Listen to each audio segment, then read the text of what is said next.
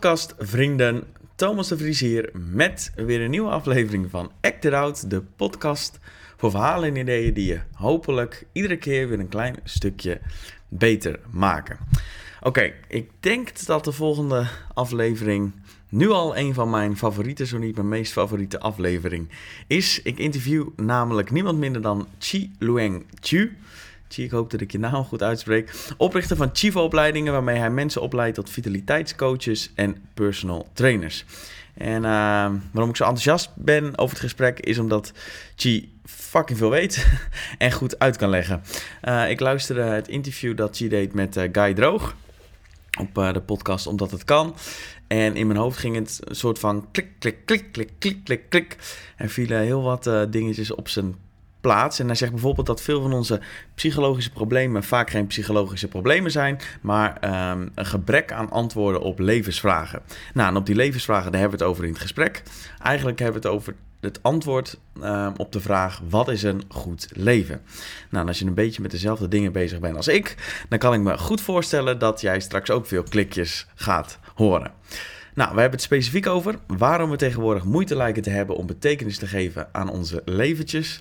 De drie basisbehoeften naast slaap, eten en drinken. Een antwoord op de vraag: wat is een goed leven? Waarom mediteren niet altijd goed is en soms ronduit slecht? Waarom in iedere cultuur deugden terugkomen als leefrichtlijnen? En wat je moet doen als je faalt. Als laatst, het zou natuurlijk te gek zijn als je je even abonneert op de podcast of deze podcast deelt met je vrienden en vriendinnen. Had ik al gezegd dat ik enthousiast was over het gesprek? Zo niet bij deze. Matties, veel luisterplezier en zoals altijd, ik waardeer jullie nog steeds. Doei!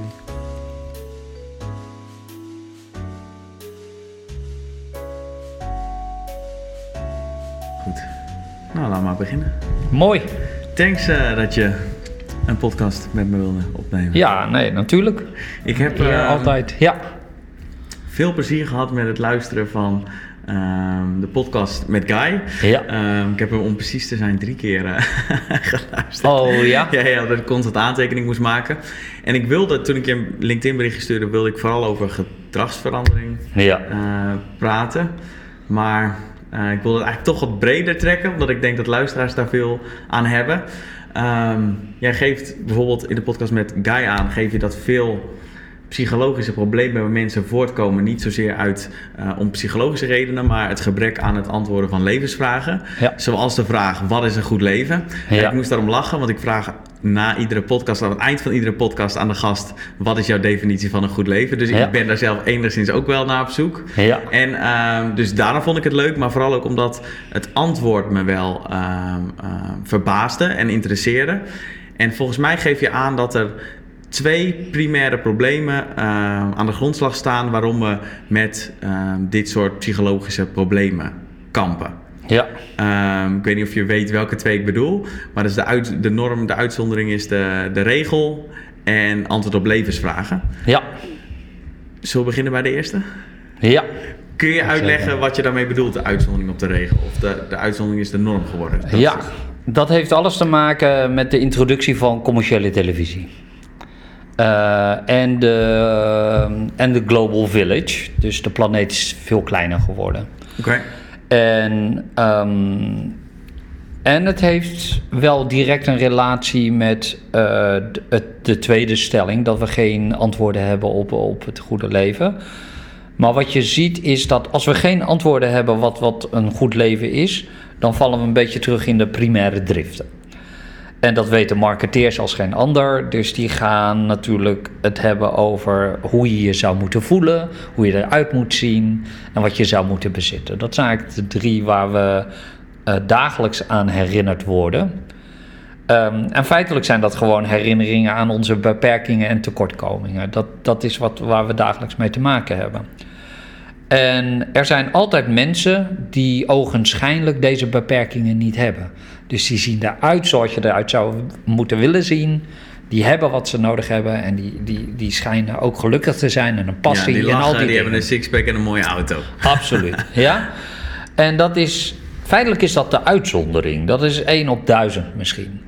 En vroeger was dat geen probleem, want als je hem al kende, En gemiddeld kende je, ken je 150 mensen. Uh, maar als je hem al kende, 1 op 1000, dan wist je dat het een uitzondering was. Uh, maar commerciële televisie en, en, en de brede media, uh, dus ruim voordat sociale media eigenlijk inkwam, heeft ervoor gezorgd dat wij die uitzonderingen uh, in de spotlights konden zetten.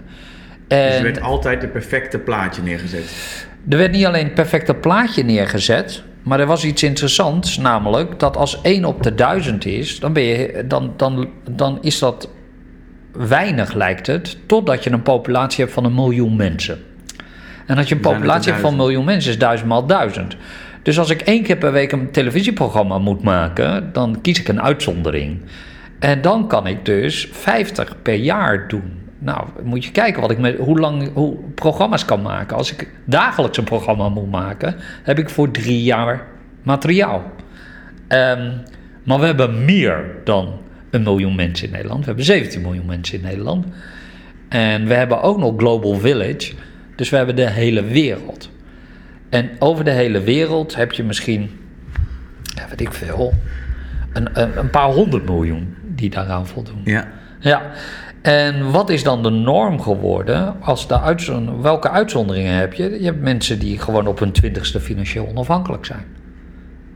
Um, en als je dan zegt, ja, doe niet zo raar als je dat wil, uh, want dat is een uitzondering, dan kan die persoon die dat nastreeft misschien wel honderd voorbeelden opnoemen.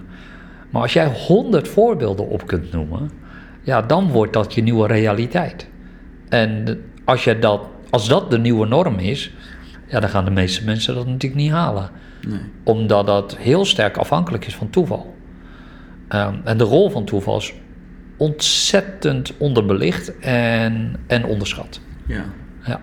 Heeft Nassim Taleb het geloof ik over, over randomness. Ik weet niet oh. of je die schrijver kent. Nee. Nou, die heeft het heel veel over toeval. Ja.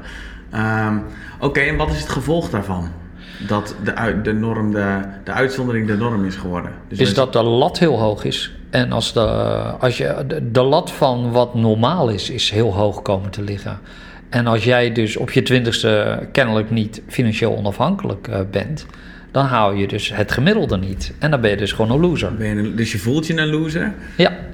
En uh, je zegt ook dat toeval een rol speelt. Ja. Dus je zegt, in die zin zeg je ook van ja, je hebt er maar eigenlijk zoveel invloed op.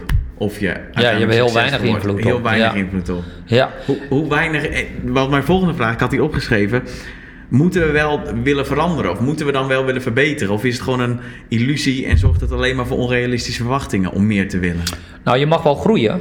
Uh, daar is verder niks op tegen. Dat is eigenlijk de definitie van eh, vitaliteit. Um, of is in ieder geval leven. Want als je kijkt naar wat is leven, leven is groei met behoud van functionele integriteit. Dus dat betekent dat als jij groeit, dat je opnieuw gaat kijken hoe je je leven inricht, zowel mentaal als fysiek. Dat is, dat is kenmerkend aan leven. Al het leven voldoet aan die regels. Ja. Uh, en zodra je niet zeg maar herorganiseert, dus alleen maar groeit om het groeien, dan is dat geen leven. Dat noemen we gewoon kanker. Um, dus daar, dat, dat spanningsveld is heel belangrijk. En ik vergelijk dat altijd maar met uh, stel je hebt een, hele toffe kamer waar je in woont. En alles, alles klopt aan die kamer. Mm En je krijgt een nieuw huis aangeboden, veel groter huis. En het enige wat je doet is alle spullen uit die kamer in dat nieuwe huis plaatsen. Op dezelfde manier zoals het in jouw kleine kamer was. Iedereen die binnenkomt, die ziet meteen dat er iets niet klopt. En dat betekent dat je het niet opnieuw hebt uh, gereorganiseerd. Um, en dat betekent dat je gegroeid bent zonder behoud van functionele integriteit. Je hebt niet opnieuw um, dingen geïntegreerd met de omgeving waar je in zit. En wat is, hoe zouden we dat in ons leven kunnen zien? In ons leven betekent dat heel concreet dat als wij uh, streven naar uh, bijvoorbeeld financiële onafhankelijkheid, ja.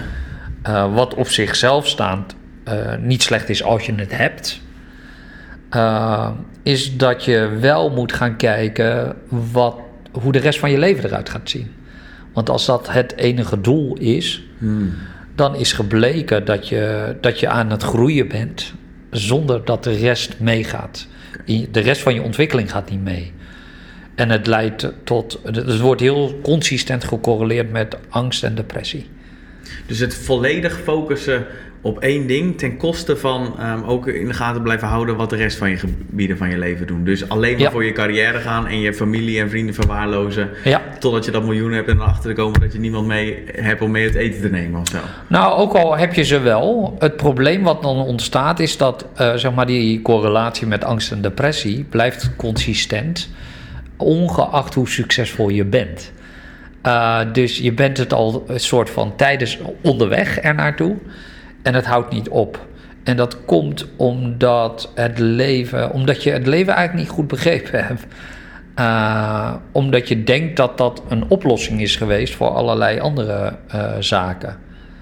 Um, en daar zit natuurlijk gewoon een probleem. Je zult op een gegeven moment moeten ontdekken wat, je bas wat basisbehoeften zijn. En financieel onafhankelijk is geen, is geen basisbehoefte. Eigenwaarde is geen basisbehoefte. Zelfs zingeving is niet eens een basisbehoefte. Uh, hoewel heel veel mensen dat beweren. Maar dat is niet het geval. Daar, daar zijn eigenlijk geen aanwijzingen voor. Nee? Nee. Okay, we gaan gewoon, ik heb allemaal vragen, maar ja. ik denk we gaan gewoon door op wat jij aan het vertellen ja. bent. Oké, dus je zegt financieel onafhankelijk zijn um, is niet waar je gelukkig van wordt. Het gaat om basisbehoeften. Ja. Wat zijn die basisbehoeften dan? Nou, er zijn er heel veel. Je hebt natuurlijk een aantal fysieke, slapen uh, en bewegen. Um, maar vanuit de psychologische kant gaat het hier om autonomie, uh, betekenisvolle relaties en natuurlijk meesterschap. Um, en erkenning, geloof ik. Nou, meesterschap, daar hoort erkenning bij. Oké. Okay. Ja, dat is eigenlijk de brug naar, naar, naar betekenisvolle relaties. Uh, dus uh, een compliment van iemand die je respecteert is meer waard dan een random compliment. Dus ja, ja, ja. de betekenisvolle relatie, de erkenning en meesterschap. Uh, dus als je, als je binding hebt aan de ene kant en, er, en meesterschap aan de andere kant, dus gewoon ergens goed in zijn, ja. dan is erkenning de brug tussen die twee. Maar jij zegt dus dat autonomie, sociale verbindenis en meesterschap net zo fundamenteel zijn als slapen en eten? Ja, uh, als je over een langer termijn kijkt wel. Zeker. Ja. Kijk, wij hebben een, uh, een uh, binnen de vitaliteit kijken we naar um, een aantal zaken. Um, namelijk, of we streven ergens naar. Namelijk een autonoom en zinvol leven. Dat is waar we naar streven. Maar dan moet je dat in gaan vullen. Wat betekent dat eigenlijk? Wat betekent nou als je autonoom bent? Of wat betekent als je niet autonoom bent? Als je niet autonoom bent, dan zit je in een overleefstand. Okay. Dat is hoe we daarnaar kijken. Okay. Dus en, misschien ja. zal om het scherp te krijgen, want ik heb inderdaad um, autonomie. Um, ik heb het je horen zeggen, ik heb het, je, ik heb het gelezen in, in uh, je artikelen. Ja. Wat is, wat is het autonomie? Autonomie heeft vooral veel te maken met vrijwilligheid. Oké. Okay. En um, dat betekent, uh, het wordt heel veel verward met, uh, met, met individualisme. Maar dat is niet hetzelfde als autonomie. Ik kan vrijwillig kiezen om een groep te dienen en de meest afschuwelijke dingen te doen als hun uitwerpselen opruimen of weet ik wat allemaal. Uh, als, zolang ik dat vrijwillig okay. doe, ben ik autonoom. Ja. En dat is heel slecht begrepen, omdat veel mensen dachten dat het heel cultuurafhankelijk was. Um, dus zij dachten, ja, autonomie is een westers begrip, geldt niet voor bijvoorbeeld de Oosterse culturen. Maar dat blijkt niet het geval te zijn. Want ook in het oosten kiezen ze bewust om iets te doen. En ook ja, er is een collectieve cultuur. Ja. Oké, okay, maar dat doen ze wel vrijwillig. Zijn ze dienstbaar voor een ander? Ja. Oké, okay.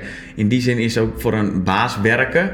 Is, kan ook heel autonoom zijn als dat dus je eigen keuze is om te doen. Zeker. Ja, sterker nog, we vinden het heel fijn om gewoon externe opdrachten te krijgen. Okay. Dat vinden we helemaal geen probleem. Nee. Dat scheelt ons heel veel cognitieve capaciteit. Okay. En kun je ja. ook, um, ik moet denken aan um, um, dat we allemaal de hele dag zeggen: ik moet dit, ik moet dat. In plaats van ik wil dit of wil dat. Kun je zelf ook dingen opleggen waardoor je zelf minder autonoom wordt? Zeker als jij. want dat is wat cultuur wel kan doen. Cultuur kan jou druk opleggen. Dat je ergens aan vol, moet voldoen. En, eh, en als, die, als je dat maar vaak genoeg hoort. als de, de uitzondering de norm is. Sorry dat ik je onderbreek. Ja, maar als je het vaak genoeg hoort, dan denk je dus dat je, dat je het moet doen. Maar alle vezels in jouw lijf, eh, die, die, die schreeuwen iets anders uit. Ja. Oké, dus de, de, de opgelegde maatstaf van de maatschappij maakt dat je minder autonoom wordt. ja, zeker. Dat is interessant. Dan nog heel even terug naar de, eh, het zero to hero verhaal. Ja, Want jij zegt eigenlijk van de kans dat mensen van zero naar hero gaan is al nihil of is eigenlijk onmogelijk. En dat ze, als, je het, als het vijf stappen zijn, dat ze één stap zijn, dat is geloof ik al met 500% overschat. overschat. Correct, ja. Ja. Heeft het dan wel. Moeten we dan wel succesvol willen worden? Dat is, dat is mijn vraag eigenlijk. Nee, Moeten we dat helemaal niet willen? nee. Wat je wil zijn een paar dingen. Is dingen doen die je leuk vindt en dingen doen die je belangrijk vindt. En als je succesvol wordt, dan is het fantastisch. En als je niet succesvol bent, dan doe je nog steeds leuke dingen en dingen die je belangrijk vindt. Ehm, en ik ga een heel goed voorbeeld geven, om, omdat het, en dit wordt een soort semi-rant. Dat is Eh, goed. Ja, ik luister. Maar ik, ik zie zoveel memes voorbij komen over de, eh, de, het briljante genie van, eh, van, van Steve Jobs enzovoort. Eh, maar heel veel mensen weten gewoon niet het, de ontstaansgeschiedenis van, van Steve Jobs. Ehm, en hij, werkte, dus, hij, hij kwam iemand tegen, Steve Wozniak. En samen verdienden zij geld met blueboxing. En blueboxing is gewoon illegaal interstatelijk bellen. En Steve Wozniak die had een apparaatje gebouwd waarmee dat gewoon kon. Die sloot je aan en vanaf dat moment kon je gratis tussen de staten bellen.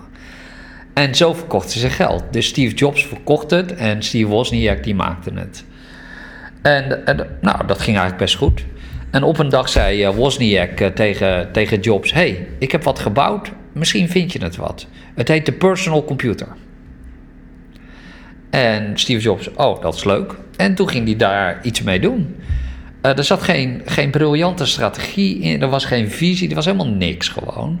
Eh, hij had gewoon een apparaat wat toevallig klaar was voor de tijd waarin het geboren werd. En dat ging hij verkopen en dat bleek toevallig een succes. Ehm, en eh, zo is zeg maar die Apple computer ontstaan. En nou ja, dat ging natuurlijk eigenlijk niet echt ergens heen. Het was wel leuk. Totdat hij bij Xerox Park eh, op bezoek kwam. En daar ontdekte hij de muis, hij ontdekte de, de vensters, hij ontdekte de iconen en, en, en al dat soort dingen. Nou, dat heeft hij vervolgens gewoon gestolen. Uh, en is dat gaan implementeren.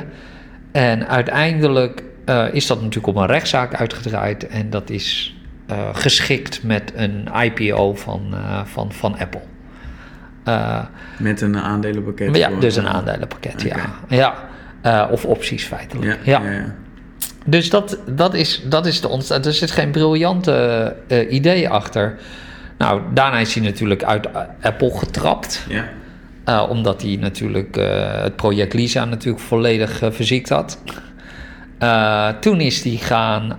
Um, Pixar, geloof ik, toch? Nou, er zijn twee dingen. Hij heeft een nieuw computerbedrijf gebouwd. Next heette dat. Nou, dat werd een strop van 450 miljoen dollar. En hij heeft van LucasArts inderdaad de special effects afdeling gekocht, want die hadden een computer. En hij wilde gewoon een toffe animatiecomputer bouwen. Nou, dat heeft hij gedaan. Ik, het zal ongetwijfeld heel goed geweest zijn, maar niemand heeft er ooit meer wat van gehoord. Waarom? Omdat hij het aan de straatstenen niet verkocht kreeg. Um, toen was er iemand die kennelijk veel slimmer was. En die zei, nou misschien moeten we gewoon een paar leuke filmpjes maken. Want dan kunnen ze zien hoe die computer werkt. Uh, daar hebben ze uh, Cats voor binnengetrokken, die van, uh, van Disney afkwam. En die ging een filmpje maken. En dat sloeg aan. En toen zijn ze reclamefilmpjes gaan maken. En daar zijn ze geld mee gaan verdienen. Um, maar ook daar zie je dat er geen enkele visie was. Uh, er, was, er werden gewoon computers verkocht. Dus wat je ziet is een complete aaneenreiging van toeval. Waardoor Jobs uiteindelijk heeft mm. kunnen bereiken wat hij heeft kunnen bereiken. Okay. En niet door um, maar wat denk ik nog het belangrijkste is, is dat Jobs gewoon deed wat, wat hij leuk vond en wat hij belangrijk vond. Ik wou, dat is mijn volgende vraag. Hoe verhoudt zich, maar hij deed gewoon echt wat hij leuk vindt. Ja, Het leek net alsof hij het heel een soort van negatief neerzette, dat hij illegale dingen deed, maar hij deed gewoon, hij, hij klooide maar wat aan of zo, wat hij leuk vond. en Steve Wozniak deed hetzelfde.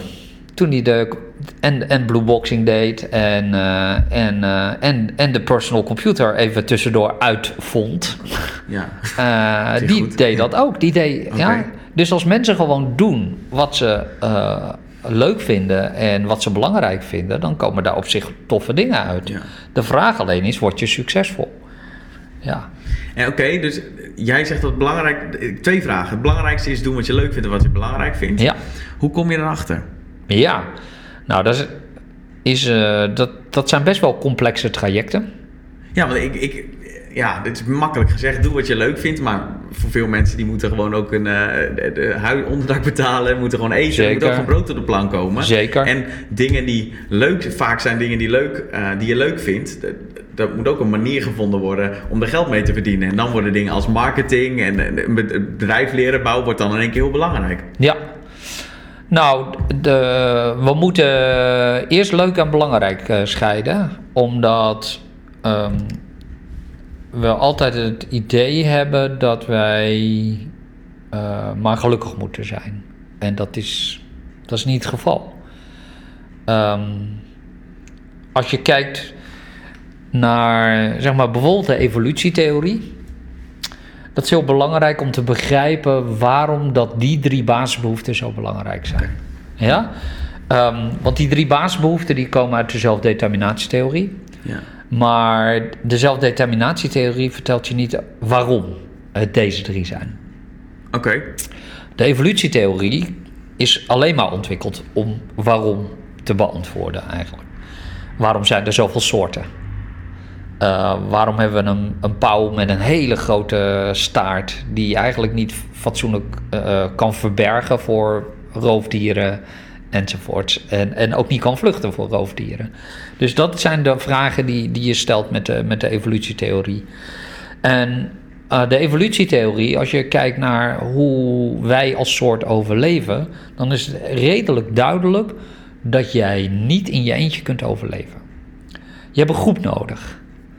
Um, dus dat verklaart niet alleen maar het hebben van betekenisvolle relaties, maar het verlangt ook, of het verklaart ook waarom je ergens toe wil behoren. Uh, dus zeg maar de stammenstrijd en je identiteit ontlenen aan de groep waarin je zit, is heel duidelijk daar een overlevingsmechanisme in. Ja. Dus dat is een belangrijk aspect. Dat is misschien wel het belangrijkste. Dan. Is dat ook waarom, uh, omdat zo belangrijk is, waarom mensen zo sterk geloven als ze een ideologie aanhangen, dat ze dat zo extreem uh, fanatiek doen? Omdat ze ergens bij willen horen. En op het moment dat je ergens bij wil horen, ik, dit is wel echt. Ja. Hang, zijstep op wat ja. we het eigenlijk over hebben, maar dat schiet in één keer te binnen. Nou, dat, het hangt nog met een paar andere dingen samen, maar welvaart is er een van. Uh, en, uh, maar ook een aantal interne dingen als wil je uniek zijn, Hmm. En voel je je machteloos. Dus er zijn een aantal okay, aspecten okay. die daar meespelen. Okay. Ja? Uh, maar sociale betekenis is heel. Uh, sociale, sociale verbinding, betekenisvolle relaties is ontzettend belangrijk. Dat is eigenlijk de kern. Zonder dat ga je gewoon niet overleven, is klaar. Um, toen. Ja. Vandaag de dag is dat anders. Um, dus dat is. Um, dus dat is de kern. Nou, dan moet je naar de andere twee kijken. Nou, daarvan is het heel duidelijk dat je overlevingskansen gaan toenemen als je allemaal ergens goed in bent, maar ook een bepaald overlap hebt. Dus competenties ergens in hebben. Dus als de een beter is in, weet ik veel, buffels vangen en ja, de ander is beter in. Uh, in het bereiden ervan, dan ga je zien dat je kans op overleven als groep ook gaat toenemen, omdat je veel meer taken uit kunt voeren. Uh, en op een veel efficiëntere manier. Um, dus dat is, dat is een heel belangrijke. Nou, dan heb je als laatste natuurlijk autonomie. Waarom is autonomie belangrijk? Omdat uh, als je kijkt naar de evolutietheorie, hebben we drie pijlers: uh, namelijk variatie, selectiedruk en overerving. Dat zijn eigenlijk de drie belangrijke mechanismen binnen, binnen de evolutietheorie. Welke drie nog een keer? Variatie, Oké, eh, selectiedruk. wat bedoel je daarmee? Selectiedruk is ehm, de reden waarom eh, jij of een soort doodgaat. Dus eh, om- variatie en selectiedruk te houden, is stel er komt een virus ehm, en die is dodelijk voor mij. En wij lijken best wel op elkaar, genetisch gezien, maar er zijn ook een aantal verschillen. En er is die virus, die doodt mij, maar dat is, dat is selectiedruk. Ja. Het gegeven dat jij net een variant bent waardoor die jou niet kan doden, zorgt ervoor dat jij ehm, kunt overleven en kunt reproduceren. En hier zie je dat selectiedruk ervoor zorgt dat een deel van de soort kan overleven. Eh, nee, variatie zorgt daarvoor. Ehm, en dat hebben we constant. We hebben constant selectiedruk. Ehm, vroeger. Oké, Ja, en tegenwoordig hebben we natuurlijk bijna evolutionaire zelfbeschikking. Dus dat is wel een interessante. Die ga ik even parkeren. oké. Ja? Terug naar binding, competentie en autonomie. Dus autonomie gaat, is heel belangrijk in relatie tot variatie. Eh, want variatie vergroot onze kans op overleven ook. Hè? Nou, stel je voor, we zitten met z'n drie op een eiland. En, van de drie, en dat gaat eigenlijk heel goed daar. Maar ik hou van zwemmen. En de andere twee die zeggen gewoon, ja, doe niet zo raar, je hebt helemaal geen vinnen en zo. En Ja, geen kieuwen. eh, ja, doe, doe niet zo, no- doe even normaal, Ja. weet je wel. Eh, heb je dat op televisie gezien of zo? Dus, maar ik, en ik, en ik besluit om dat toch niet te doen, omdat ik me conformeer aan die groep. En op een dag raakt het eten op. Ah, op het eiland. Dan hebben we een probleem. En er is maar één die houdt van zwemmen. Het probleem alleen is, ik dus, ik heb nooit geoefend. Ah, oké. Ja? Maar stel je voor, ik had binnen de groep gewoon dingen kunnen doen die ik leuk vind of belangrijk vind. Ja. Dan ging ik regelmatig zwemmen. Ja, dus autonome keuzes. Ja, en dan na een jaar kom ik. eh, een jaar heb ik dat gedaan. En ik kom steeds natuurlijk gewoon een uur, een paar uurtjes later terug. En ik zeg: luister, weet je wat ik heb ontdekt? Nog een veel groter eiland. Dus misschien gewoon vasteland, maar dat heb ik nog niet bekeken. Maar dat is het. En, eh, dus, en ik neem regelmatig iets mee. Dus na verloop van tijd eh, is dat eiland op een gegeven moment voedsel op. En ik zeg, nou ja, maar het is geen probleem, we gaan gewoon zwemmen. En nu zegt de groep, oké, wij houden niet van zwemmen, maar wij geloven wel dat het er is. Want jij bent al een paar keer geweest, je hebt spullen meegebracht die op dit eiland niet te vinden zijn. En hier zie je hoe inderdaad autonomie bij kan dragen aan overleven. En dat spanningsveld tussen die drie, want zodra je binding hebt, zeg maar, eh, bezig bent met betekenisvolle relaties, heb je, moet je iets inleveren van je autonomie. Van je vrijheid. Ja, ja, ja, Ja, oké. van je vrijheid, maar niet van je autonomie. Waarom niet? Omdat het een vrijwillige keuze, Keuze is, oké. Ja. Ah, oké. Ja, Waarom heb ik de autonomie? Ik heb redelijk wat gele- gelezen in mijn leven van... Ik heb al eens over de Chinese eh, filosoof Confucius of zo wat gelezen. Over de Stoïca. Ik ben nooit autonomie tegengekomen. nee, omdat autonomie het product is van wetenschap. En dat bedrijven we nog niet zo lang. Dus En de hoe zijn ze in de eh, wetenschap hierachter gekomen dan? Uh, dat is eh, heel bekend. Uh, zijn, nou, zijn eigenlijk waar, was men op zoek naar motivatie, een belangrijke motivatietheorie. En, ehm uh, en uh, Daisy had een interessant experiment waarbij hij kids een taak uit liet voeren. Maar de helft van de kids kreeg een beloning. En de andere helft niet. Nou, dan denk je, ja, heeft dat invloed op de, op de kwaliteit van de taak of op de snelheid van de. Nou, niet eens echt. Maar wat hij vooral geïnteresseerd in was, was nadat ze klaar waren. Toen bleef hij observeren en toen ontdekte hij iets heel bijzonders.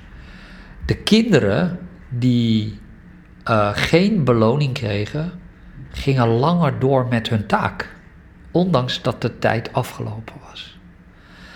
Eh, en hij ontdekte dus verschillende vormen van motivatie. En hij ontdekte ook dat extern belonen, of dat de beloning, de waarde van de taak deed verminderen. Het werd minder leuk en minder belangrijk voor die mensen, omdat hun focus lag op de beloning. En niet Is zozeer op de activiteit. Is dit ook waarom, eh, je zei volgens mij, door schaamte en schuld gemotiveerd worden duurt maar zes maanden. Ja. Bedoel je daarmee extern? En als je intrinsiek gemotiveerd bent, dus je vindt dingen leuk of belangrijk, dan is dat veel eh, duurzamer. Is dat wat je hiermee bedoelt? Of Ja. zit ik nou helemaal bij? Nou, dit is, dit is niet door schaamte en schuld, maar ze behoren wel tot de, niet-autonome vormen Ja, van, van regulatie. oké, oké, Correct, ja. Want daar zijn er ook een aantal van. En dat is een hele belangrijke vinding. En dat is, dat is in de filosofie is, is dat nooit benoemd. En ik begrijp wel waarom. Omdat vanuit de deugdethiek ehm, autonomie vooral wordt geassocieerd met individualisme. En vervolgens dus, dus vooral doen wat jij wil. En, eh, en daarmee hedonisme. Dus het is een tegenovergestelde van een deugd.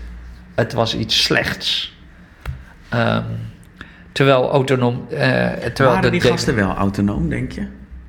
De zoals- oude wijsgeren. Ja? Jazeker. Oké. Ja, geloof Alleen benoemd hadden ze geen naam voor het beestje of zo. Nee, zij dachten omdat ze hard werkten dat dat heel belangrijk was. En dat ze plichtsgetrouw waren en, enzovoort. Eh, maar zij hebben dat nooit kunnen ontrafelen. Dus ik, ik, ik heb natuurlijk heel veel van dit soort stukken gelezen. Eh, en daar zie je dus dat er weinig eh, aandacht voor is. Het, omdat het zo snel geassocieerd wordt met het tegenovergestelde van een deugd. Dus Ja, het is een, zonde of een... Maar als je het leest en je ziet hun levens, dan zie je wel autonome trekjes in terugkomen in wat ze doen. En wat ze- Zeker, ja. Oké. Ja. Oké. Ehm, hoe word je autonomer? Nou, dat heeft met een aantal dingen te maken. Dat is allereerst kijken of je gefrustreerd wordt in je baasbehoeften. Oh ja, dat was er ook nog één. Dat je, je hebt een behoeftefrustratie Ja, en behoefte bevrediging. bevrediging. Ja. Zou je het verschil tussen die Ja, twee zeker. Ehm, het gegeven dat ik eh, voldoende slaap. Dus slaap is dan een basisbehoefte. Het gegeven dat ik voldoende slaap. eh, betekent dat ik geen behoeftefrustratie meer heb als het gaat om slaap. Maar dat wil nog niet zeggen dat ik slaap zoals ik wil. Dus eh, dat ik, stel ik, ik leef samen met een partner en ik slaap toch liever alleen. Eh, dat komt heel vaak voor trouwens. Eh, als ik voldoende slaap, heb ik geen frustratie meer. Maar als ik alleen zou slapen, dan zou ik mijn behoeften bevredigen. Dat zijn twee verschillende zaken. Het aantal uren neemt niet toe. Het is ook niet zo dat per definitie de kwaliteit van slaap toeneemt. Mhm. En toch is het anders. Dus dat heeft veel meer te maken met voorkeur. Oké.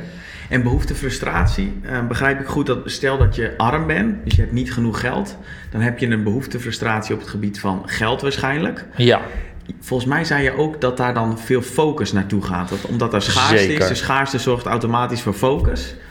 Ehm, ja, maar je hebt focus en je hebt deprivatie. Dus echt tekort. Dus je hebt schaarste en je hebt deprivatie. Oké.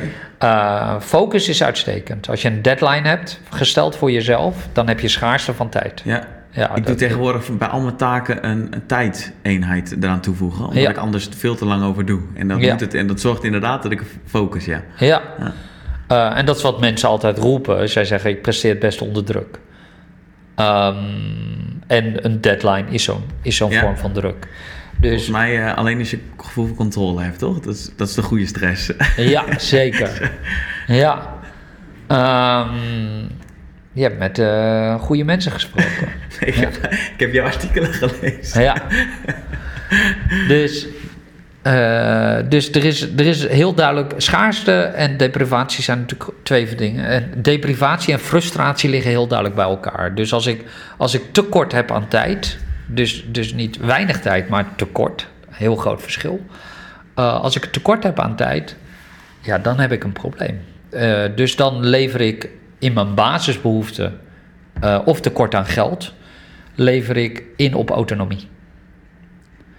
Ehm, want dat is feitelijk wat negatieve stress is. Je, op dat moment word je, word je, ben je, word je, in, je in je autonomie geva- afgenomen. Dus stress is... Je- Neg- ja, negatieve stress is, is, is, een, is een inbreuk op je autonomie. Ja. Oké. En stress zelf niet. Stress kan uitstekend zijn. Ja. Stress kan zelfs een onderdeel zijn van competentie. Eh, je kunt een taak doen die heel zwaar is, zoals een marathon lopen, maar toch het idee hebben: het gaat goed en ik ga het redden. En ik, ik heb wel pijn, maar het is draaglijk Ja. en ik ga het redden. Ja. Heb je tips hoe je, hoe je kunt zorgen dat ehm, stress positief wordt? En, ehm, iets goeds? Nou, ik weet niet of stress per definitie positief of goed. eh, dat heeft. Maar het dat heeft het te voor maken. je werkt en niet tegen je werkt, laat ik het zo zeggen. Nee, dat begrijp ik. Maar de vraag is natuurlijk of je. eh, er zijn een aantal stappen daarin. Oké. En een daarvan heeft te maken met. ehm, kan ik er iets aan veranderen? Dat is wel belangrijk. Eh, dus als ik eh, vanuitgaande dat de stressor een externe factor is. Ik bedoel, stel, ik weet ik veel, de, de deurwaarden staan aan de deur. Ja, dan kun je wel zeggen, ik, ik ervaar positieve stress of zo. Maar uiteindelijk eh, worden, worden gewoon je spullen weggehaald. Dus, ehm, dus dat is wel een belangrijke. Kun je er iets aan veranderen? Soms wel, soms niet. Ehm, dan is het wel belangrijk om te begrijpen waar dat uit blijkt. Want jij kan natuurlijk met hele grote waanideeën rondlopen. Dus die toetsing is denk ik wel heel belangrijk. Ehm, het derde is dan vervolgens, als ik er niks aan kan veranderen, kan ik het accepteren. Eh, zoals bij een ongeneeslijke ziekte. Als ik iets kan accepteren, dan gebeurt er iets heel bijzonders. Dan word ik autonoom. En dat is iets anders dan vrijheid. Dus stel, ik ben mijn twee benen kwijt, dan lever ik in op mijn vrijheid. Ja? Eh, en daar ben ik eh, misschien wel heel lang mee bezig, dat ik mijn twee benen kwijt ben. En op een gegeven moment heb ik dat geaccepteerd en ben ik gewoon bezig met mijn leven. Met de mensen die ik eh, leuk vind en belangrijk vind en, en, de, en, de, en de dingen die ik tof vind om te doen. Dan, als ik, als ik het heb geaccepteerd en ik ben dus niet elke minuut van de dag meer mee bezig, dan ben ik autonoom. Ja. En Ah, acceptatie leidt dus, dus tot autonomie. Is ook een heel slecht begrepen onderdeel. Ja. Ah, nu weet ik dat je niet altijd positief bent over mindfulness. Nee. Ehm, wat volgens mij ook enigszins te maken heeft met acceptatie Mhm, van wat er is. Ik weet niet zo goed wat mijn vraag is eigenlijk. Nou, je probeert die, die twee te rijmen. Want zeker, kijk, als je kijkt naar de boeddhistische hoek, dan zijn compassie, acceptatie, eh, rechtvaardigheid, eerlijkheid, al die dingen zijn allemaal belangrijke onderdelen ervan. En ik, ik vind dat uitstekend. Eh, ik hecht daar heel veel waarde aan. Ehm, maar er is een probleem. Dus wel, dus wel aan het acceptatiegedeelte. Zeker. het, eh, oké, ja, alleen eh, zitten, eh, zijn er finesses. En ehm, kijk, binnen psychologie is acceptatie heeft een andere term, namelijk internalisatie. Eh, dus wat vind jij normaal? Ja. Ehm, en wat wordt dus een onderdeel van jouw waarde- en normenstelsel? Eh, dat zie ik niet gebeuren bij mindfulness. En wat je ziet is bij mindfulness is dat mindfulness meditatie, even eh, voor de, voor de volledigheid. Ehm, bij mindfulness meditatie is er sprake naar van observeren van je gedachten en emoties zonder oordeel. Oh ja, en hier zei je volgens mij over als je een kutgedachte hebt, dat je dat dan accepteert en er niks van vindt. En jij zegt, Nee. een kutgedachte moet je mee ophouden. Zeker. Als je- pragmatischer. ja, als jij denkt dat er slechte voedingsmiddelen zijn, dan, dan moet je echt even educatie hebben. In plaats van dat is maar een gedachte en dat laat ik aan me voorbij gaan. Ja. En we weten ook van mensen die een neiging hebben tot narcisme, eh, narcistischer worden eh, als ze mindfulness meditatie gaan doen. Ja, de wereld draait om mij. Als je die gedachte hebt, oh, dat is prima. Dat is oké, die gedachte. Ja, ja, Nee, dat is niet handig. ja. Nee, maar dit soort dingen worden compleet genegeerd. Oké. Nog even los van het gegeven dat er casuïstiek is met betrekking dat mensen in psychoses raken enzovoort, als je dat lang genoeg doet. En dat, elke, elke methode heeft voor- en nadelen, deze dus ook. Eh, en ik denk dat vooral mijn irritatie komt dat de, het bespreken van nadelen dus niet kan. Uh, mensen hè, willen dat niet horen. Hmm, en dat is lastig. En, dat, eh, en als het op een verjaardagsfeestje is, begrijp ik het. Je wil natuurlijk niet de partyboeper zijn. Ja, ja. Maar ik ben gewoon een professional. Ik leid professionals op. En als het dan niet bespreekbaar is, dan denk ik dat jouw voorkeur dus belangrijker is dan het belang van de cliënt. En dan hebben we een issue. Ja. Sowieso vinden mensen nuances en zo moeilijk om daarover te praten. Als het Zeker. zwart en wit is, als het Ja. goed en fout, dat is makkelijk. Ehm, Oké, terug naar de, die ehm, behoefte frustratie of behoefte bevrediging. Die begrijp ik Ja. nog niet helemaal. Want behoefte... En nou, ik kan een andere noemen. Ehm, natuur zou een voorbeeld kunnen zijn. Dus eh, eh, eh, zijn wij gemaakt om contact te hebben met de natuur? Daar zijn heel veel aanwijzingen voor. Het is heel lastig te onderzoeken, maar het is wel, daar zijn wel heel veel aanwijzingen voor. En we hebben intern een soort zachte norm. En de zachte norm is twee uur contact per week met de natuur. Ehm, en dat is op basis van allerlei prospectieve observationele onderzoeken. Eh, in relatie tot bijvoorbeeld me- mentaal welbevinden. Oké. Maar het is een zachte norm. Ehm, nou, stel ik heb twee, twee uur per week contact met de natuur. eh, dan heb ik geen frustratie meer. Maar de vraag is: is mijn behoefte dan bevredigd? Nou, wat is het verschil tussen die twee? De een is: wat heb ik nodig om te overleven? Dat is die twee uur contact met de natuur. Wat heb ik nodig om te leven? Hmm. Dat is als mijn voorkeur wordt bevredigd. En mijn voorkeur met betrekking tot natuur kan zee, strand, hei, bos, bergen eh, zijn. Eh, en als mijn voorkeur vooral ligt in bos, maar mijn twee uur contact heeft te maken met de bergen, Ja. Dan zie je daar heel duidelijk een verschil. Oké. En als we dit nou terugbrengen naar bijvoorbeeld een carrière, wat een belangrijk deel is van iemands leven. Ja, Zou be- ehm, als je een behoefte, frustratie qua geld hebt, waar de meeste mensen voor werken, dan heb je op een gegeven moment een baan en dan is die frustratie weg, want je hebt in ieder geval genoeg om te overleven.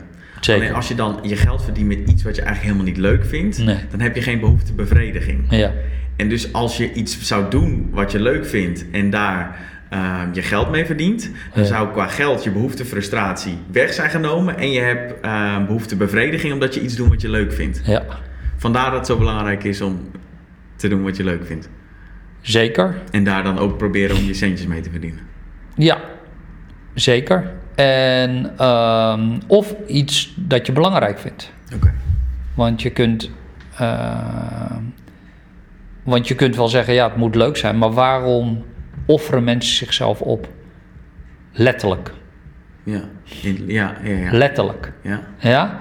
Ehm, en dat heeft alles te maken met. ehm, eh, met dat ze belangrijk vindt dat de soort van de stam overleeft, bijvoorbeeld. Ehm, En volgens mij is daarna een illusie dat alles altijd leuk moet zijn of zo. Dat slaat helemaal nergens op. Er zijn Nee. elke Ja. baan of alles wat je doet zit er gewoon echt klote dingen aan. En die moeten soms ook gewoon gebeuren. Ja, Maar daarom is het ook wel belangrijk dat je het belangrijk vindt wat je doet. eh, zeker. Ja. Dus wij zoeken altijd die combinatie. Als je alleen maar doet, dingen doet die je leuk vindt, omdat dat je passie is, hè, want zo wordt dat dan vertaald. Ja. dan heb je, worden eigenlijk in de psychologie twee vormen van passie onderscheiden. En namelijk de, de harmonieuze passie en de obsessieve passie. En de obsessieve passie betekent dus dat je alleen maar bezig bent met wat je leuk vindt, terwijl je heimelijk al lang weet dat je andere dingen laat liggen die belangrijk zijn. Eh, weet ik veel, je eigen gezondheid of eh, je relaties Ja. of je... Ja, Oké, dus harmonie, harmonieuze passie is passie voor hetgeen wat je doet, met wel in ogenschouw nemend dat er ook nog andere dingen belangrijk zijn in je leven. En dat is waarschijnlijk een stabielere vorm van, dat is waar ik het net ook over had. Dat Ja. Met behoefte, dat je alleen maar geld verdient ten koste van andere dingen, dat dan niet zo handig is. nee, precies. Oké. Ja, en wat je ziet is als, als mensen eh, en, en, en, en ook geld verdienen, heeft dus, eh, is geen basisbehoefte. In de zin dat het, eh, het is hooguit een middel naar een basisbehoefte, maar het is geen basisbehoefte. Ja. En zodra je het gaat verwarren met een basisbehoefte, Ehm, dus het wordt een levensaspiratie, uh, net als macht of net als hedonisme. Dan ga je zien, die, al die dingen, als dat een levensaspiratie is, die mensen hebben gewoon een veel grotere kans op angst en depressie. Ja, oké. Ja. Ah. En dat komt omdat ze niet begrijpen wat de baasbehoeften zijn. Ja. En dat snap ik ook, want dat heeft niemand zo ooit verteld. Ja, ja en dit, dit is wat je, uh, wat je ook zei, is dat mensen missen de metakennis. Zeker. En ik vraag me soms af waar, waar, ik nu allemaal mee bezig ben. Met zoveel lezen en met mensen praten. Zo, of dat ergens goed voor is. Maar toen ik dat hoorde, dacht ik, ja, hier is dat goed voor. Als je, als je niet weet wat de basisbehoeften zijn. Of niet weet wat er belangrijk is. En daar niet naar leeft. Dan, Ja. je gewoon, dan loop je gewoon tegen problemen aan. Ja. Ja, zeker. Hebben we daar vragen beantwoord waarom je, hoe we onze autonomie kunnen vergroten? Nou, allereerst door eh, je lekken op te zoeken. Dus waar heb ik frustratie in? En eh, als je die weg kan nemen, zoals autonomie, en heb ik betekenisvolle relaties. Eh, Oké, maar dus dat is, dat is overal, dat zijn de drie basisbehoeftes. Maar jij zegt de lekken. Dus Nou, je zou bijvoorbeeld een papier kunnen pakken en na gaan denken van waar, de, waar frustratie zit in je leven. Ja, nou, maar die baasbehoeften zijn wel heel belangrijk, omdat we kijken. eh, eh, maar de- de- de- de- die drie, dat zijn psychologische baasbehoeften. Ja, Maar je hebt nee. natuurlijk ook fys- fysieke oké, oké. Dus als je denkt van waar zitten, waar heb ik tekorten? Want dat is waar je dan frustratie op hebt. Oké. En dat zou dan, je zou die gewoon op een, op een rijtje kunnen zetten, je psychologische en je, en je eh, biologische, Ja. fysiologische. En dan kijken van waar ben ik niet helemaal... Ja, en als je die allemaal hebt opgelost, dan ben je autonoom. Maar dat wil nog niet zeggen dat je een zinvol bestaan hebt. Nu moet je ze gaan bevredigen. Dat is de volgende stap. Oké, eh, snap ik dit. Oké, dus je, hebt je, je bent autonoom, dus je hebt betekenisvolle relaties, je hebt meesterschap, dus je, je doet hard je best om ergens heel goed in te worden. Eh, je, dat maakt je autonoom, zeg ik dat goed? En je hebt ook slaap, onderdak en, al, en die andere dingen, die, die fysiologische. Dan heb je nog geen zinvol leven. Ja, autonoom betekent dat je niet het idee hebt dat je de hele dag alleen maar dingen moet. Oké. Eh, en de dingen die je wel moet, die vind je normaal. Dus die passen bij je waarden en normen. Oké. Oké? Ehm, en daar heb ik geen frustratie van. Dus als, als, als, mijn, eh, eh, als, als, als ik. Een keer laat moet doorwerken, dan vind je dat niet erg, want dat past binnen je... Ja, Oké. precies. Ehm, dus daar heb ik geen frustratie van. Maar het gegeven dat ik dat niet erg vind, wil nog niet zeggen dat ik een leven heb. Ja. Eh, en de- dan moet ik gaan ding, dingen zoeken die, ehm, die echt veel meer met mijn voorkeuren te maken hebben. Dingen die ik belangrijk vind. Dus dan ga ik ze invullen. Eh, dus net als dat natuurdeel, oké, ik heb geen frustratie meer. Ehm, maar, ik ben het, maar ik merk toch dat ik het, het, het fijnst vind bij het, bij het strand. Maar ik woon, in, ik, ik woon in de buurt van Utrecht. Ja, wat ga ik dan doen? Ga ik wel eens naar het strand? Nee, nooit. Waarom niet? Nou, mijn vrienden gaan niet naar het strand. Eh, als we iets, iets leuks gaan doen, dan doen we het altijd eigenlijk wel in de buurt. Want het is gewoon praktisch. Eh, want mijn vrienden hebben kinderen. Of zo. Nou, dan kun je vragen, afvragen, nou, maar zijn er dan dingen die ik zelf zou moeten doen? Of in mijn eentje? Of eh andere groep mensen zoeken waarmee ik dat kan doen? Ja. Ehm, dus dat, is een, dat zijn de zoektochten die je maakt. En, ehm, eh, en dat is ook nog dynamisch. Omdat je weet niet, soms weet je niet wat je mist als je het nog niet eerder hebt meegemaakt. Mhm. Dus dat zijn. ehm, maar dat, dat zijn eigenlijk de stappen. En dan ben je aan een zinvol leven aan het bouwen. En ik zeg eh expres zinvol en niet zingeving omdat als ik iets doe wat ik ontzettend leuk vind... en jij vraagt aan mij, heeft dat zin? Dan zeg ik, ja, tuurlijk. Eh, want ik vind het leuk. Ja, ja, ja. Heb ik het dan zin gegeven? Nee. Want dat is een werkwoord, zin geven. Zin geven gaat over de dingen die je niet leuk vindt... en die je toch doet omdat je het belangrijk vindt. Dus dan geef je zelf betekenis aan. En dingen die je leuk vindt zijn op zichzelf al zinvol. Ah, Precies. En daarom hebben wij over zinvol, omdat sommige dingen, eh, omdat het eh, niet altijd alleen maar gaat om, om dingen die, ehm, ja, die belangrijk zijn of die je die, die, die, actief betekenis hoeft te geven. Ja. Zijn dingen, die, dingen doen die zinvol zijn, is die, zijn die te koppelen aan flow? Ja, in de zin dat het, er zit een overlap in, maar dat is ehm, doorgaans alleen maar mogelijk als je één taak voor een langere tijd kunt doen. Ja, zeker. Dan kun je flow ja. creëren. Ja. Oké. Hmm, grappig. En hoe verhoudt zich dit um, we hadden het aan het begin al even over Jordan Peterson. Ja. Die zegt genoeg met uh, de, de, vrijheid en, uh, en rechten. Um, de weg naar betekenisvol leven is verantwoordelijkheid nemen. En hoe groter de verantwoordelijkheid, hoe groter de betekenis in je leven. Ja. Hoe verhoudt zich dat tot um, er zijn, wat jij net zegt? denk ik, een paar uh, verschillen. Um, verantwoordelijkheid nemen is, is natuurlijk fantastisch. Uh, maar de vraag is natuurlijk. dan kom je in een discussie bijvoorbeeld over vrij wil. En je komt in een discussie over toeval. En al dat soort zaken. En als je dat soort dingen niet adresseert, hebben we een probleem. Want dan hebben we gewoon een, een, een, een tegeltjeswijsheid. Die natuurlijk niet uh, meer diepgang heeft dan de tegeltjes waar die op gedrukt is, natuurlijk. Dus we moeten dus begrijpen: kan ik verantwoordelijkheid nemen als, ik, als, als er bijvoorbeeld geen vrije wil is? Um, we leven in een rechtsstaat. En in een rechtsstaat gaan we wel uit van vrije wil, want daarom kunnen we ook mensen straffen. Uh, maar we maken ook heel veel uitzonderingen. Daarom hebben we TBS versus uh, uh, gevangenisstraf. Dus je kunt wel zeggen, het is een kwestie van verantwoordelijkheid nemen, maar sommige mensen kunnen dat niet. Um, Jij zegt volgens mij. Um, het idee dat succes vooral het gevolg is van je eigen verdienst is niet alleen zonnig, onzinnig, maar zelfs gevaarlijk. Ja, zeker. En mijn vraag daarbij was in, in lijn met wat je net zei: is het, is het gevaar daarbij niet dat we um, de verantwoordelijkheid uit handen geven? Ik... Nee. Kijk, want het, je moet het in. Uh, een hele, heel mooi citaat van Louis Pasteur is uh, dat. Ik bedoel, als je het hebt over toeval, yeah. is dat hij natuurlijk zegt dat toeval de voorkeur heeft voor mensen die voorbereid zijn. Uh, dus er is heel veel toeval. Maar als je voorbereid hebt, dan valt, valt die dobbelsteen toch vaker uh, op het ja. getal wat jij wil hebben. Dus dat is een, wel een belangrijk gegeven. Dus waarschijnlijk is er iets van vrije wil, maar zelfs daar is, zijn discussies over. En, um, uh, en is er dus ook uh, causaliteit die je zelf veroorzaakt.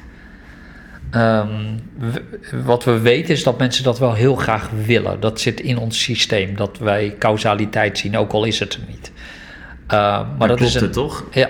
In onze, als, het, als we het kloppend maken in onze hersenen, dat vinden we fijn, toch? Ja, als het een patroon is, als er een, samenhang is. fallacy of zo, dat je er achteraf een verhaal van maakt. En, terwijl dat helemaal niet waar hoeft te zijn, maar dat klopt het tenminste in onze, in onze kopjes. Ja, er is samenhang. Ja. ja. ja. Uh, Zo raar is dat toch? Ja, nou ja, maar dat zullen we leren. Oké. Okay. Uh, okay. Dus ik voel honger, ik ga rondstruinen, ik trek een kast open.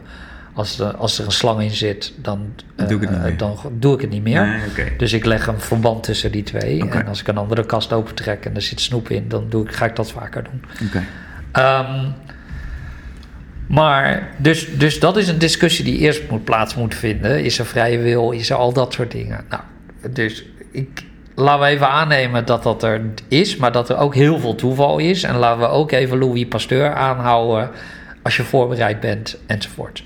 Nou, wat betekent dat? Dat betekent dat je hard en slim moet werken. Dat is wat het betekent. Um, maar dat wil niet zeggen dat je succes gaat halen. Uh, en wat als je geen succes haalt? Dan komt er een tweede component die ontzettend belangrijk is. En dat is compassie. Compassie hebben voor jezelf. Dus, uh, en dat is ontzettend belangrijk, omdat zelfcompassie anders is dan zelfmeelij. Wordt heel vaak verward met zelfmeelij. Uh, maar er is een verschil tussen die twee. Bij zelfcompassie aanvaard je dat hoe hard je ook werkt, dat er toeval en geluk meespeelt. en dat het altijd kan mislukken voor iedereen. Alleen ben jij aan de beurt. Dus dat is het probleem. Maar iedereen kan dit overkomen. Wauw, oké.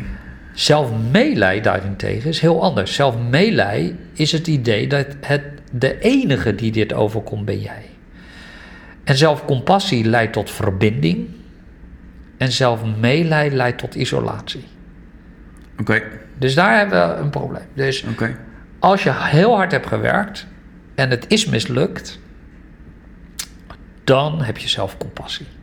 En zelfcompassie is een manier om te herstellen.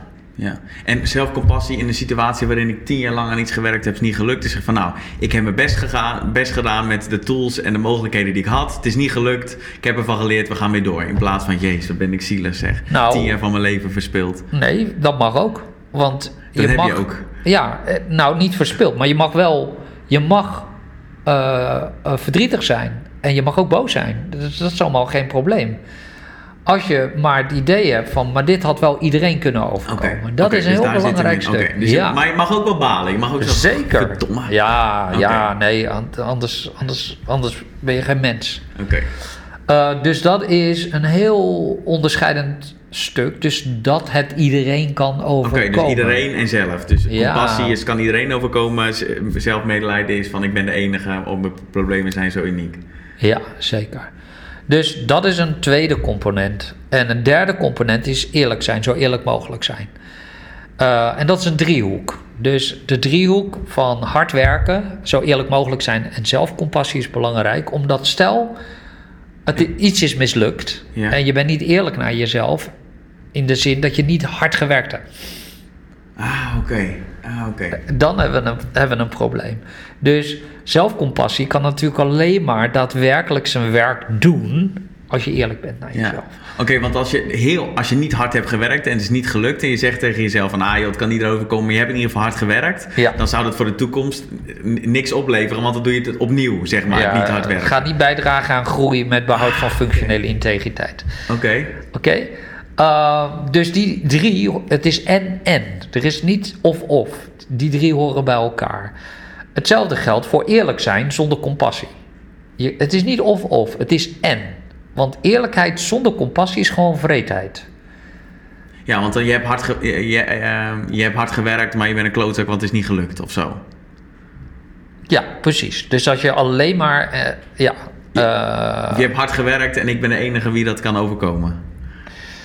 Nou ja, of, of je vindt jezelf een totale loser en een mislukkeling. en dat is. eh, en, en je hebt ook verloren. Dus het, er zit een vorm van eerlijkheid in, maar wat je mist is compassie. Oké, Eh, en dat is dus alleen maar. Dat leidt ook nergens toe. nee. Eh, omdat je dan alleen maar. Je, in plaats van aan het herstellen, ben je jezelf aan het afbreken verder.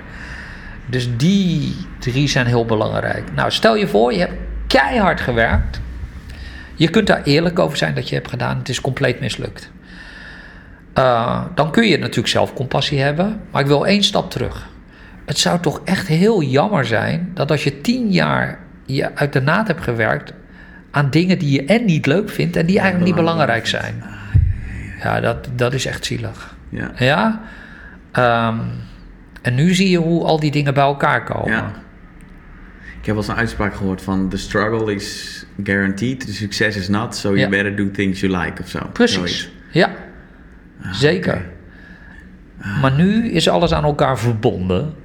En juist die verbindenis is heel belangrijk om te begrijpen eh, waar, eh, ja, wat, wat allemaal onderdelen zijn van het leven. Ja, en dat is, ja, dat is wat een vitaliteitscoach doet. Ja. Dat is, die helpt mensen daarmee.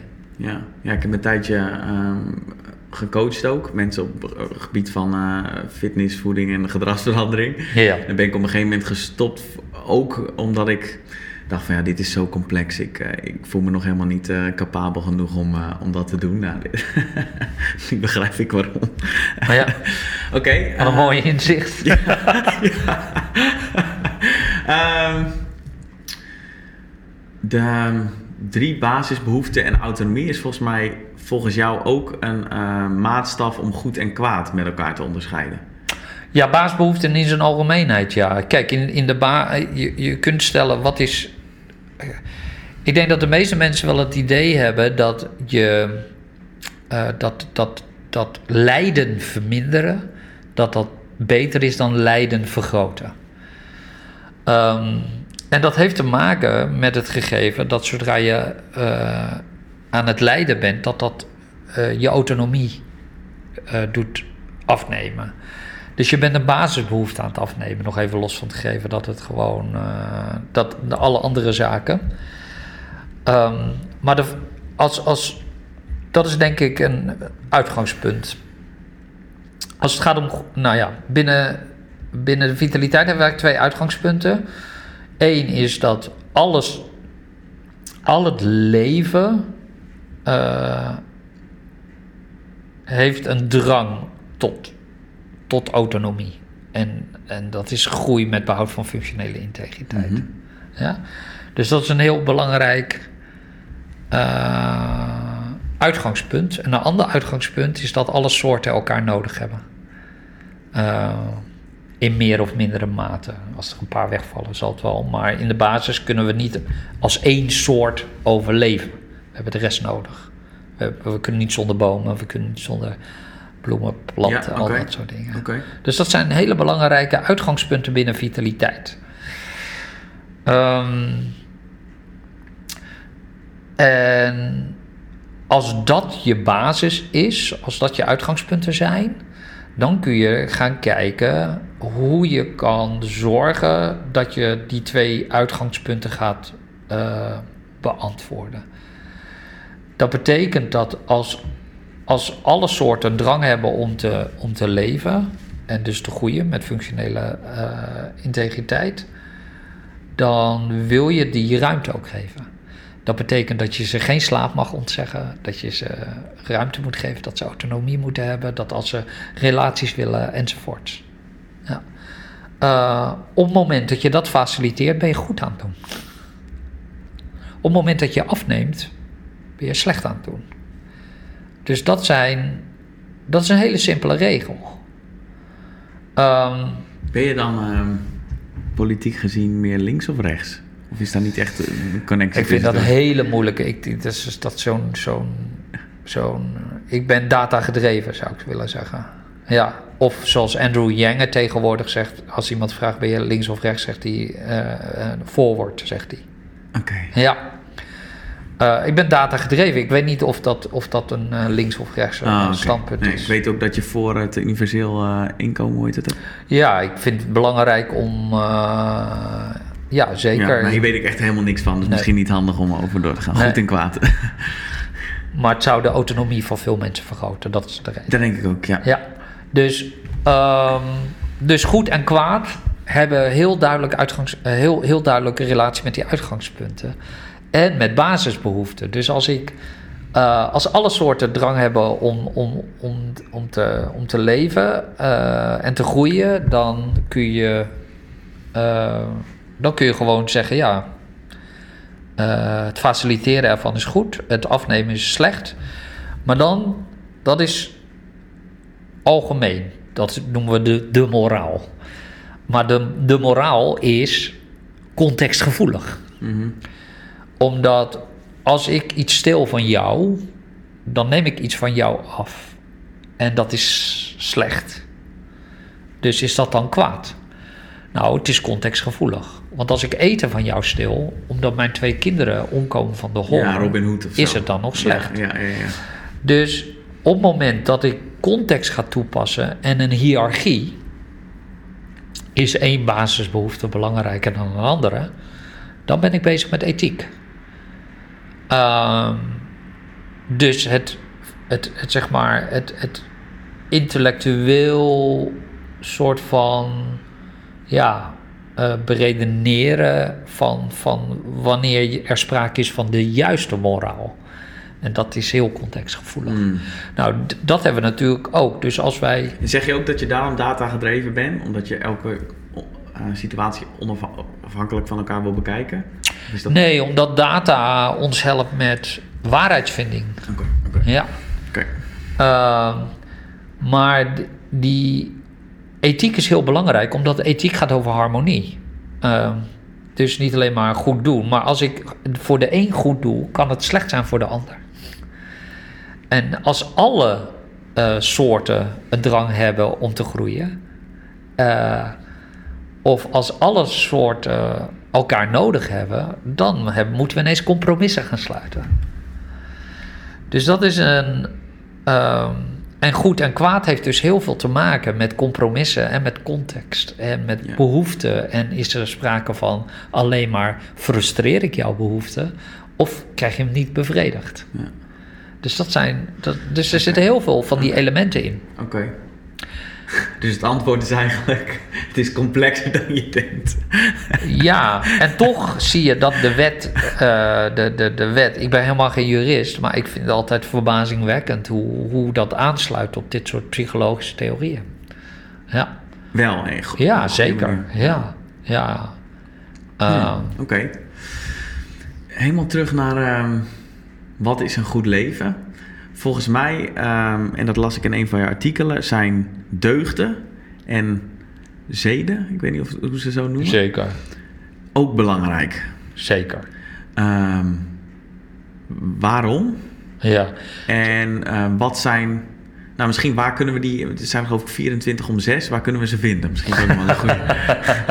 nee, waarom zijn ze belangrijk? Ja. Nee, kijk, er zijn heel veel, heel veel deugden. In elke filosofie kom je ze tegen. Mhm. Maar laat ik eerst één stap teruggaan. Wat is een goed leven? Daar hebben we ook een definitie voor. En dat is in harmonie leven met jezelf, met anderen, met dier, plant en planeet. Dat is een goed leven. Oké, nog een keer.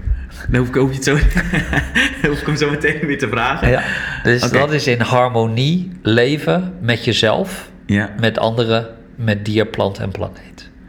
oké. Dat is een goed leven. Dus deugden is alleen maar een puzzelstukje in hoe je dat doet. Ja, volgens mij een pra- praktische toepassing ervan, toch? Ja, is- zeker. Oké, oké. Ja? Maar dit, dit als, als kader is het wel heel belangrijk. Ja, maar is, als ik het, als ik het voor, voor me zie, dan zou ehm, wat je nu zegt, een goed leven is overkoepelend. Dan die drie basisbehoeften is een soort van hoe je je, je leven indeelt. En die deugden en ehm, deugd is hoe je het doet op dagelijkse basis. Of heb ik het nou echt totaal verkeerd? Nou, deugden is wel een, eh, een onderdeel. Uh, maar ook dat is vrij uh, complex. Maar allereerst, wat, wat is een deugd? Ja, Een deugd is in principe een eigenschap, een actie-eigenschap, een competentie zou je kunnen noemen, die eerder gericht is op behoeftebevrediging dan frustratie. En doorgaans eh, inspirerend werkt in plaats van jaloezie opwekt of benijd. Ja. Dus dat zijn een paar dingen. Dus eh, stel, ik, ik, ik heb iets heel gênants gedaan en ik beken dat. Dus dat is eerlijkheid. Eh, er is niemand, als ik dat doe en je ziet mij blozen als gevolg ervan en mij schamen, maar ik, ik beken het toch, is niemand die mij benijdt van dat zou ik ook willen of zo. heb je nog nooit gehad. Nee. maar je vindt het wel ergens, vind je het heel wel inspirerend. Je vindt dat, ja, eh, dat is waar deugden over gaan. Dit soort eigenschappen.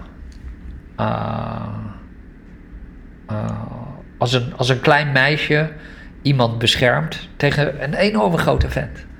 En je denkt van wow, ja. Je denkt, het is onmogelijk dat ze het gaat winnen. En toch gaat ze daar gewoon tussen staan. Uh, dat zijn.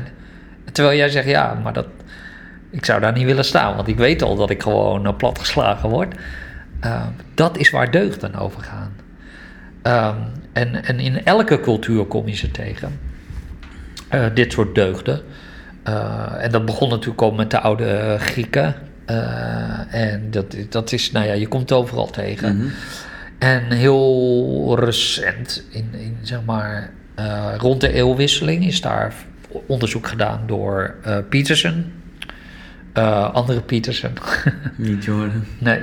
Um, Chris Peterson. En die, uh, ja, die heeft een zogenaamde lexicale analyse gedaan. Dus dat betekent dat ze alle belangrijke historische, psychologische, filosofische werken hebben gepakt. Uh, en uh, in computers hebben gevoerd, woorden eruit gehaald. Uh, en uh, synoniemen. En die computer is daar dus allerlei dingen uit gaan. Ja. En daar zijn zo'n 24 uh, competenties uitgekomen. Oké. Nou, die zijn te verdelen over zes deugden. En ja, de, de, vraag is of, of die compleet juist zijn. Daar zijn wat discussies over. Maar zij hebben de eerste stap gedaan. Waarschijnlijk ga je terug naar vier deugden en zullen er een paar competenties af, afvallen. Maar uh, dat is waar het over gaat. Nou, de vraag is natuurlijk. Uh, als ik, daar, zit, daar zit liefde voor schoonheid in. Daar zit uh, nou ja, eerlijkheid, rechtvaardigheid. Dat zijn de meer bekende. Maar ook bijvoorbeeld hoop. Sommige mensen zijn gewoon zijn altijd optimistisch.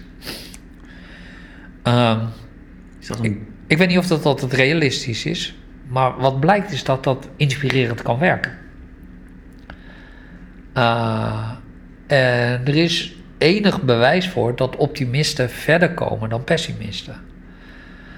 Uh, Dus uh, het maakt daar een onderdeel uit. Je kunt over elke discussiëren of het daarin hoort. Uh, maar kennelijk komt het vaak genoeg terug in al die werken dat het dus uh, opgenomen is. En een product is van die lexicale analyse. En als je die hebt, dan kun je eens gaan, rustig gaan kijken naar: hé, hey, maar wat, uh, wat hoort nou bij mij? Niet alle 24, dat is redelijk duidelijk. Uh, Oké, okay, dus je, je hebt voorkeuren. Nou, je hebt niet alleen voorkeuren, je hebt ook dingen waar je goed in bent. Oké, okay, goed in bent. Maar is dan leven naar die deugden, um, die je enigszins zelf kan uitkiezen om, waar je beter in bent, is dat dan ook goed? Ja, zeker. Dus dat is één deel. Maar het andere deel is verandering van perceptie. Want als, jij, als ik een paar van die deugden pak en ik vraag aan jou: als wij meer van dit hadden in deze wereld, wordt de wereld mooier dan? En als jij ja zegt, dan zeg ik, en zou je daar ook nog iets mee, zou je kunnen doen dat we meer van dat krijgen? uh, en op het moment dat je daarmee bezig bent, dan heb je een goed leven. Dan ben je bezig om je leven te verbeteren. Omdat de acties die volgen vanuit het leven naar die deugden goed zijn. ja, zo. en leven naar die deugden kan betekenen dat je mensen om je heen verzamelt die dat goed kunnen. Ah, oké. Je hoeft niet allemaal zelf te kunnen. Nee. Je hoeft niet perfect te zijn. Helemaal niet. Hmm, oké. Ja? Dus dat is een praktische uitwerking ervan. Oké. Zeker. Zo. ik moet het ook allemaal. Ja, ik ben helemaal nee, maar het is veel stof. Mijn ervaring, het is allemaal dingen. We leren heel veel techniek in de opleiding. Je bent er twee jaar mee bezig voordat het allemaal gaat vallen. Voordat je het kunt reproduceren. Ja. En is daar, dat was een van de dingen. Uh, jij probeert vitaliteit op de kaart te zetten. Ja. Um, wat is vitaliteit? En ik vraag dan ook, stel dat je de opleiding bij jou doet. Ben je dan in staat om niet alleen je eigen leven te beteren, maar ook is bedoeld om je eigen leven beter te maken? Of Zeker ook niet. om anderen beter te maken? Zeker niet. Oké. Uh, het is vooral gericht op uh, verbeteren van anderen. We zijn niet per definitie geïnteresseerd in persoonlijke groei. Ik kan alleen niet het uh, uitsluiten dat het wel gaat gebeuren. Je kan me ook bijna voorstellen dat het niet zou gebeuren Nee. als je. Nou ja, dat is ook. Ik, dat is eigenlijk ook altijd de feedback die we terugkrijgen. Ja. Maar ik vind het heel belangrijk om uh, twee dingen van elkaar te scheiden. Is, dat, uh, is ervaringsdeskundigheid en deskundigheid. Uh, het gegeven dat je het zelf hebt doorgemaakt wil nog niet zeggen dat het voor een ander werkt. Dus de vraag is, wat is de waarde? Er is geen bewijs voor dat als je zelf de ervaring hebt, dat je dan beter iemand kunt begeleiden. Er zijn wel aanwijzingen dat je daardoor mensen slechter kunt begeleiden. Ja. Omdat wat voor jou heeft gewerkt, Ja. dat probeert door te Ja. zetten naar een ander. Je- mag ik een vraag stellen? Op het moment dat je uh, iemand advies geeft, vind je dan dat jij verantwoordelijk bent voor wat diegene doet met dat advies? Je bent zeker niet verantwoordelijk voor uh, wat hij doet met dat advies. Ik, je bent vooral verantwoordelijk voor je eigen advies. Dus, over de, dus of, je, of jij, of jij een inspanningsplicht hebt gedaan om te zorgen dat dat advies ook goed is. Oké. Oké. Oké. Check. Ja. Ja. Ik denk daar veel over na. Van dat, ik vind dat mensen vaak snel advies geven. En dat dat Zeker. soms heel ongefundeerd is. En dat ik vind dat ze te weinig rekening houden met wat iemand daarmee kan doen. Dat zie je best wel veel op social media en zo. Dus vandaar dat ik de Zeker. vraag aan je stel. Ja. En hoe zou je vitaliteit definiëren? Nou, vitaliteit voor ons. ehm, kijk, vitaliteit betekent levendig. En dat is meer dan alleen maar leven. Want wat is leven? Leven is in principe eh, zeg maar instructies opvolgen om te reproduceren. En als ik aan iemand vraag om zijn leven te beschrijven, krijg ik toch altijd een iets ander verhaal dan alleen maar dat. Dus levendig gaat veel meer over groeien. Eh, met, behoud van functionele integriteit. Dat is waar vitaliteit over gaat. En daarvoor moet je een autonoom en zinvol bestaan hebben. Nou, dat geldt niet alleen voor mensen, dat geldt ook voor organisaties.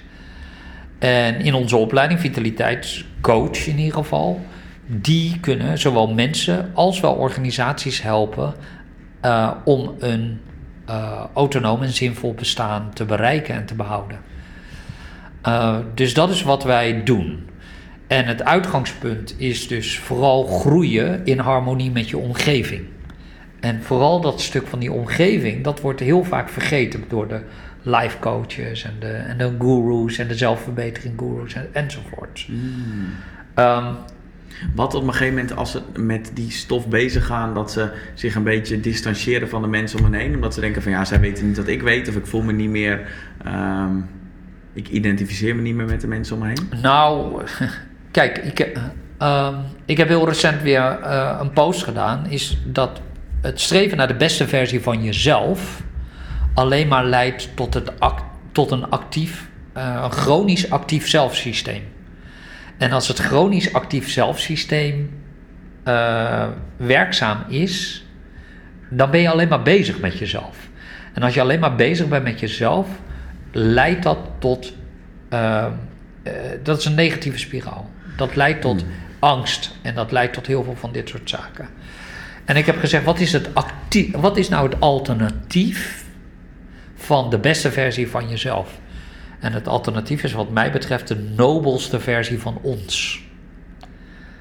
Uh, en dat betekent dat je je richt op harmonie van je, met jezelf en met de omgeving.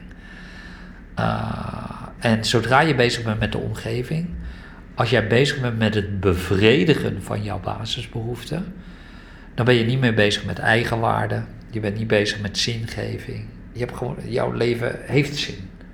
Dat is het verschil. Heeft het zin of geef je het zin?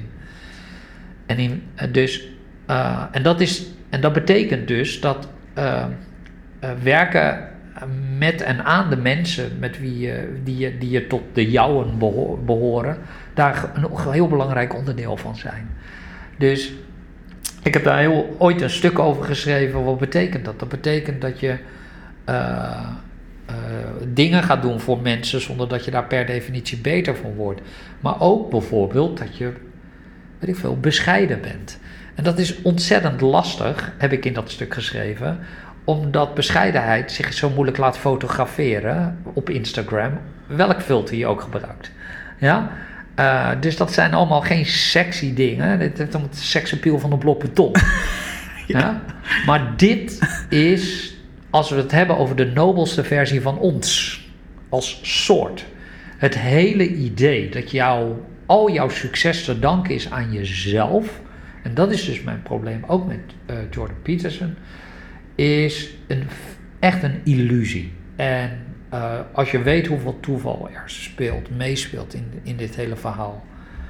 Um, want als al het succes te wijten is aan jou, dan is ook al het falen ja, ja, toe te schrijven aan jou. En als je toevallig dan aan de verkeerde kant zit van, van, het, van, het, van, die, van het verhaal, dan, ja, dan ja, dan hebben we dus een probleem.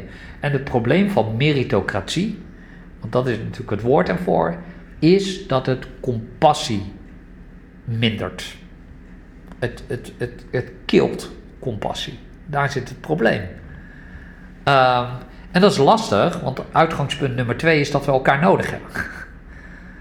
Ehm, en eh, als jij iedereen die obese is of arm is, een loser vindt, omdat ze niet hard genoeg werken, uh, dan uh, hebben we een probleem. Want uiteindelijk heb je elkaar nodig. De grote dingen, zoals iemand op de maan zetten, is natuurlijk niet gebeurd met, door één iemand. Uh, weet je, ik bedoel, als je, als je, ik heb daar natuurlijk een stuk over geschreven. Maar GPS en de, en de, en de computerchip en weet ik wat allemaal. Dat, dat, is, dat lijken allemaal hele toffe uitvindingen van hele slimme mensen. Dat klopt ook zo. Maar dat, zijn, dat is allemaal door overheden gefinancierd. Ja. ja. En ik zie het nu ook met, met Bill Gates. Bill Gates 2.0 wordt over gesproken. Die, die doet hele, hele toffe dingen voor de mensheid. Echt geen enkele discussie over. En uh, die heeft dus nu uh, die heeft geïnvesteerd in een veilige kerncentrale, TerraPower. En nu moeten ze hem bouwen. Dat kost gewoon 10 miljard. Vanuitgaan dat er niks misgaat. Ja, welke miljardair gaat even 10 miljard betalen? Ja, helemaal niemand. Ja. Uh, maar een overheid is 10 miljard helemaal niks. Het Pentagon geeft 10 miljard uit per dagdeel. Ja, aan het leger waarschijnlijk alleen dagdeel, al. Ja. ja? Dus het hele idee, want dat zie ik nu allemaal, die miljardairs die gaan allemaal goed doen. En Mark Zuckerberg zei laatst in verdediging van de miljardairs dat je die niet zomaar kunt uitknijpen, want we doen heel veel goed. Nou, ik hoorde de violen al aanzwellen en ik ging al op zoek naar tissues en zo. Zo ontroerend vond ik dat. Maar het is natuurlijk gewoon flauwekul. Alle grote uh, doelen, dingen die we bereiken op deze wereld, hebben we samen bereikt. Hmm. Niet door toedoen van één persoon. Uh, en als, zolang we dat soort dingen maar niet lijken te begrijpen, dat is wat de, de data zeggen. En zolang we dat uh, zeggen, uh, als, als we dat begrijpen, dan gaat het gewoon stukken beter. Want de landen waar de meeste miljardairs zitten, is, zijn ook de landen waar de grootste inkomensverschillen ja, dus zitten. Ja, dus het verschil tussen rijk en arm ook. Waar de, waar de gezondheid algemeen echt abdominaal is. Het is echt gewoon niet te geloven. En de ziektekosten uh, zijn veel hoger. In de States twee keer zo hoog als in Europa. Ja. Volgens mij zei je dat 60% overgewicht heeft in Amerika inmiddels. En drie, waarvan 37% obese of zo. Ja, zeker. Ja, 70% overgewicht, ja. Inmiddels. Wow. Ja. Wow. Ja. Uh, en dat is, dat is lastig. En dat heeft ook te maken met uh, drang naar behoefte naar autonomie en naar competentie. Uh, uh, wij weten bijvoorbeeld dat het bestellen van een XL-menu voor arme mensen is een statussymbool. Erkenning, toch? Ja. ja, ja zeker. Dus als we dat allemaal weten, dan, dan ja, dat, dat is voor hun een manier om dat te bereiken. Terwijl iemand die hier leeft en 20 is, die zegt: Ja, ik wil financieel onafhankelijk zijn als ik 25 ben. Ja, maar hij doet precies hetzelfde. Ja. Exact hetzelfde. De onderliggende basisbehoeften zijn exact hetzelfde. Hij is alleen toevallig in een land geboren waarin verzekering goed geregeld is, waar uitkeringen goed geregeld zijn.